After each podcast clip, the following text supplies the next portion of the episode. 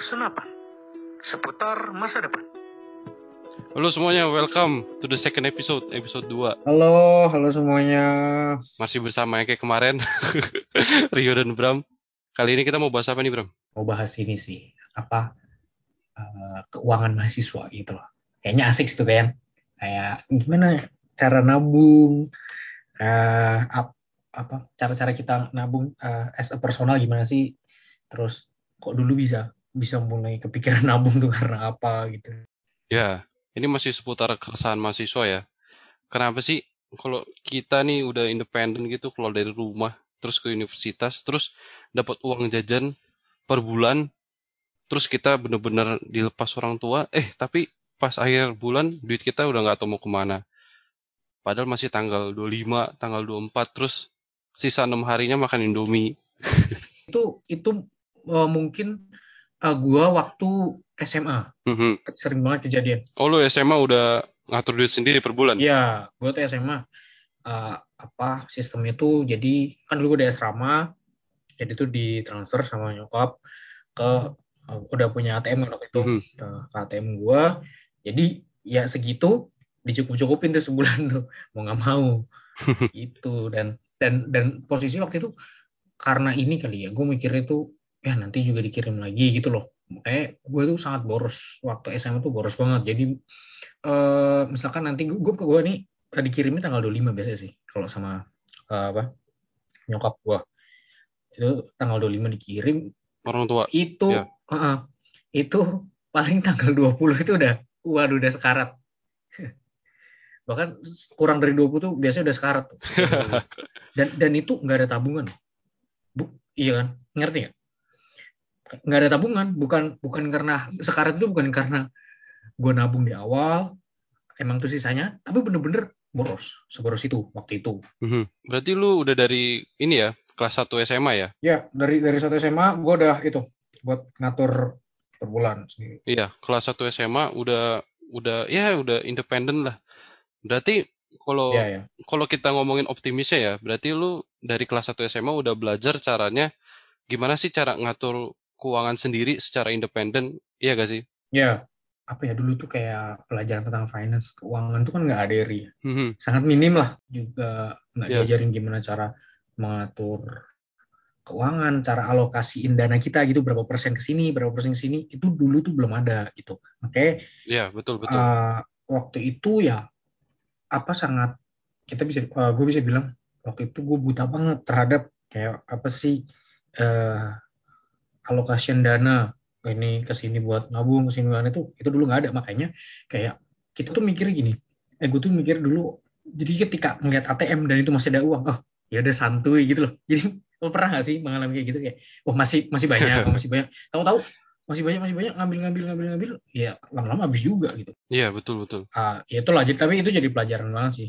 Zaman zaman gue SMA sangat borosnya itu nggak punya tabungan itu itu yang ngebuat gue akhirnya ya berubah waktu kuliah gitu Oh, berarti kan lu berarti kan lu istilahnya mulai duluan nih daripada yang biasanya. Nah, lu kalau lu pas sadar kayak, oh, gua harus gua harus uh, do something with my money nih. Itu pas SMA apa baru masuk ke kuliah? itu gue merasa wah kayaknya gue harus apa ya belajar sesuatu buat ini uang tuh apa ada hasilnya gitu. Nggak nggak nggak tiap bulan tuh habis tiap bulan habis. Dan gue tuh mikirnya dulu harus punya tabungan. Awalnya tabungan ya. Mhm. karena Iya. karena emang apa sebenarnya diajarin lah sama sama bokap nyokap. Keluarga gue tuh salah satu yang rajin nabung gitu. Kakak adik gue juga nabung rajin gitu. Cuma gue aja pada saat itu emang apa sulit banget lah pas SMA itu. Nah titik putar Sama-sama. titik apa ya eh turnovernya gitu itu waktu di SM kuliah awal-awal. Jadi waktu kita itu masih kita di dorm lah. Kita masih di dorm. Habis itu pada saat itu eh, gue tuh ini HP gue rusak ya kan? Gue eh, harus benerin itu HP biar gue bisa ini apa namanya melakukan kegiatan gitu. Karena karena ini gue nggak mungkin minta lagi gitu loh iya kan? Kayak aduh soalnya gue udah beberapa kali apa minta itu. Apa benerin emang sering rusak pada saat itu HP gue sering rusak. Dan ini udah mungkin ke ketiga kalinya tuh keempat kalinya itu rusak. Masa gue aduh rusak lagi rusak lagi gitu loh. Nah akhirnya wah gue waktu itu pakai uang gue sendiri. Nah habis itu gue Iya. kayak ibaratnya ngecek gitu kan. Waduh. Tinggal jadi gue bayar itu dan ketika gue lihat ATM waduh kok tinggal segini ya gue gak punya tabungan nih. Gini terus apa ya baru baru mikir gitu. Mulai Iya, sadar. baru aduh Eh, kayaknya gue gue harus ini deh kayak berubah mulai ngatur gitu. Ada ada catatannya atau seenggaknya gue punya alokasi lah gitu loh buat buat tabung buat menabung. Pada saat itu mikir kan masih nabung belum investasi mikirnya. Nah akhirnya waktu itu semakin apa ya eh, semakin kebentuk tekadnya itu biar eh, berubah itu itu gara-gara nonton YouTube waktu itu kok ini YouTube-nya ko Ryan kalau eh, kalau pada tahu nih Iya. heeh. YouTube-nya Ryan, ko Ryan Filbert Ryan itu ya Filbert. ya itu salah satu yang eh, apa ya yang paling awal-awal lah kami dengerin lah ya kan Eri ya Iya awal-awal betul. tuh belajar banyak dari Ryan Filbert itu tentang gimana apa itu eh, pertama tuh reksadana tuh zaman dulu Mhm. masih tanya reksadana doang Iya, karena karena daftar reksadana dulu gampang kan tinggal KTP. Kita kan udah punya KTP dulu. ya tapi nggak segampang sekarang loh kalau dulu apa kita beli itu eh, nggak bisa kayak auto debit sekarang kan ini ya udah bisa auto debit gitu gitu kan udah bisa pakai virtual account gitu ya gua awal-awal itu kan pakai Iya. eh, ki- apa salah satu platform adalah eh, kita kita sebut aja nggak apa-apa nih Boleh sebut aja. Eh, jadi awal banget itu yang gue tahu itu waktu itu Bareksa Mhm. itu salah satu platform yang gue tahu buat apa beli reksadana Iya. dulu tuh bibit belum seterkenal itulah dan itu langsung waktu itu masih Bareksa gue coba-coba buat apa mulai menyisihin lah menyisihin tabungan buat beli Bareksa dan itu confirmationnya itu sangat ribet banget Mhm. waktu zaman itu itu 2018 ya? 2018 atau 2019 kali ya Enggak, bukan Mungkin 2019. akhir kayaknya ya. 2018-an. ya mungkin lah sekitar ya 2018 akhir mungkin ya menuju 2019 itu jadi transfer ke si uh, manajer investasinya kalau sekarang kan udah virtual account ya kan udah virtual account dan segalanya nah dulu tuh kita harus daftarin dulu ke manajer investasi Uh, kita daftarin nomornya kita transfer kita capture kita capture baru dimasukin ke website buat konfirmasi wah itu dulu uh, sangat lumayan apa, meribetkan lah pada awal-awal itu ya Berarti kalau kayak gitu eh, agak lama dong. iya Soalnya kan langsung ke media investasinya kan. iya Nggak ada sakut paut sama bibitnya kan. Eh sama Bareksa kok bibit. ah gue ju- kurang tahu sih apakah itu jadi kayaknya ya eh, si Baresa ini cuma sebagai platform ya marketplace-nya doang gitu loh jadi emang bener sebenarnya kan emang nggak ada uang uang masuk ke eh, apa ke platform Baresa itu kan nggak ada ke, ke mereka mereka sebagai marketplace itu kan uang nggak nggak ada masuk emang langsung masuknya kan ke eh, apa manajer investasi ke bank eh, kustodian ya kan Iya ya, kalau dipikir-pikir langsung ya. iya emang langsung Bener-bener kayak marketplace gitu ya. Ya, betul. Tapi emang dulu konfirmasinya agak ribet yang gue bilang tadi, harus ke web. Dulu tuh nggak bisa kirim dari HP, belum bisa. Awal itu belum bisa, harus ke web. Nah, habis itu eh, emang diimprove, bisa akhirnya lewat HP, udah mulai bisa HP. Terus makin ke sini makin, oh udah makin enak lah. Sekarang udah apa auto confirmation sekarang nggak perlu kirim-kirim soalnya udah pakai udah pakai virtual account udah bisa gitu. Iya. Mak- apa makin enak pasti Iya, udah gampang banget.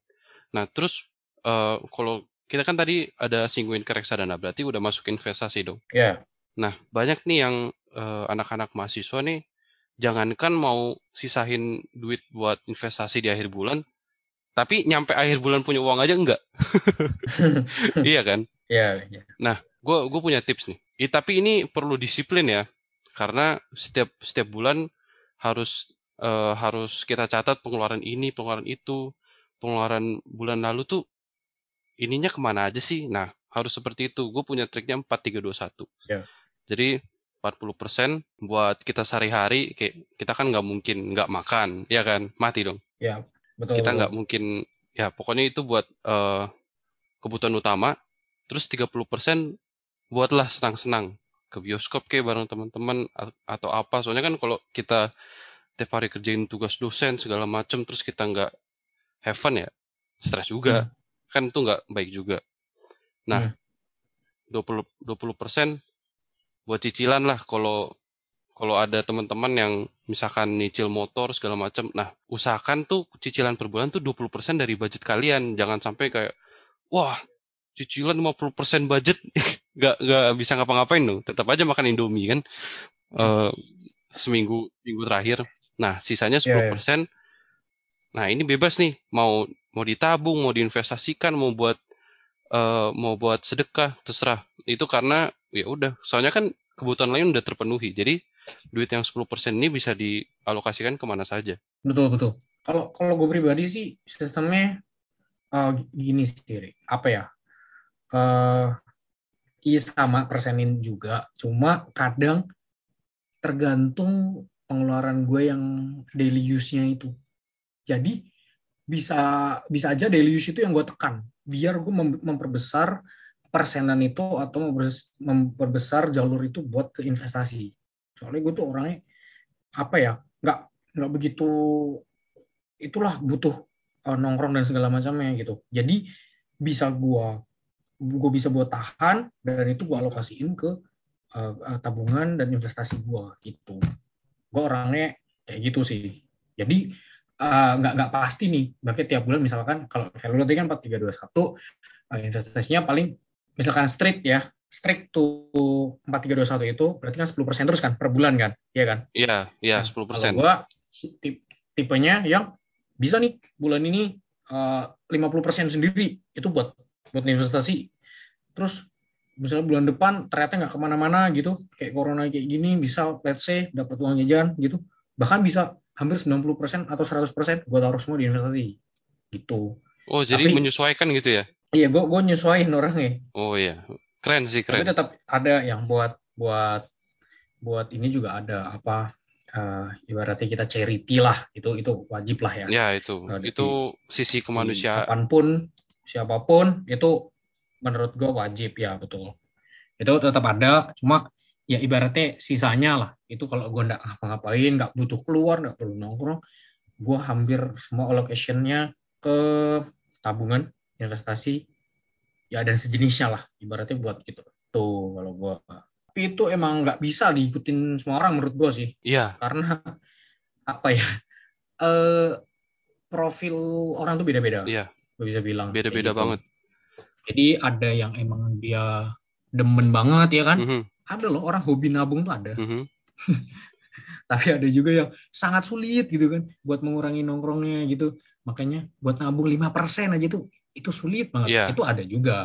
Makanya ya saran dari uh, gua sih mulai pelan-pelan. Emang udah ada uh, saluran buat ke investasinya atau tabungan itu. Ya pelan-pelan lah. Paling nggak misalkan uh, dapat uang jajan let's say 2 juta per bulan gitu ya. Mhm. kalian bisa mulai dari 200 ribu per bulan. Kalau agak sulit 200 ribu ya 100 ribu dulu. Soalnya kan apa namanya sekarang tuh beli reksadana tuh waduh mudah banget terus gampang banget. Ah, terus nggak perlu biaya. Ya nggak perlu biaya yang besar kan sekarang. Bahkan dari even lu pakai 10 ribu tuh udah bisa beli. Cuma ya tetap lagi semua itu harus dipelajari. Nggak bisa asal eh, kalian taruh ke waduh ini paling murah nih. Ah gue taruh sini lah. Ya Nah. bisa. Tetap harus dipelajari semua itu.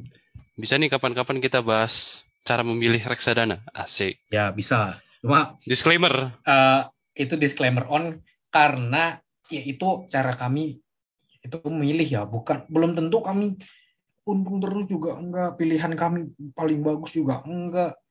Ya ya, karena kami masih, Ya. masih belajar juga kan. Soalnya masih milih-milih juga. Kami juga ibaratnya masih sumur jagung di dunia investasi. financial market ini masih masih sumur jagung gitu. Jadi masih banyak room buat kita belajar improve room for improvementnya masih gede banget Iya, betul banget. Eh, jadi kalau menabung, investasi atau mengatur keuangan itu harus tergantung dari diri sendiri lagi ya. Harus. Jadi baiknya step pertama itu untuk tahu diri sendiri ya. Ah, gue nggak bisa nih kalau nggak bisa jalan-jalan eh setiap minggu gue nggak bisa nih kalau nggak nongkrong bareng temen setiap minggu atau oh gue bisa kok nggak nongkrong sama sekali oh gue bisa kok jajan cuma kopi doang kan setiap orang berbeda-beda jadi tentukan tentukan lagi Ya, tapi tapi gini nih, gue gua ada ada ini juga satu satu kali apa? eh, bukan tips sih, kayak itu bisa kalian nggak bisa ngerem kayak kopi atau ngerem jajan itu, eh, itu asalkan kalian imbangin dengan menambah revenue. mana tuh Nah, itu itu bisa jadi tips. Nambah revenue stream. Jadi itu let's say kita udah dapat uh, uang jajan ya kan. Say uang jajan dari dari bokap nyokap dapat Mhm. segini dan kalian tuh ternyata tuh udah cukup banget ngepas nih buat aduh gua apa, harus nongkrong segala macamnya.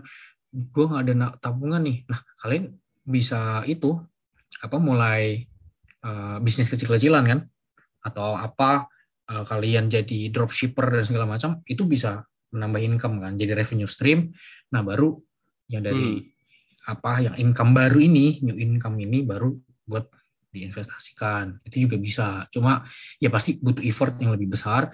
Cuma uh, hasilnya pun juga pasti bakal bagus di kemudian hari. Ya itu itu depends lah. Tapi orang nggak nggak ya. uh, nggak bisa dipukul rata seperti itu juga. Oke deh.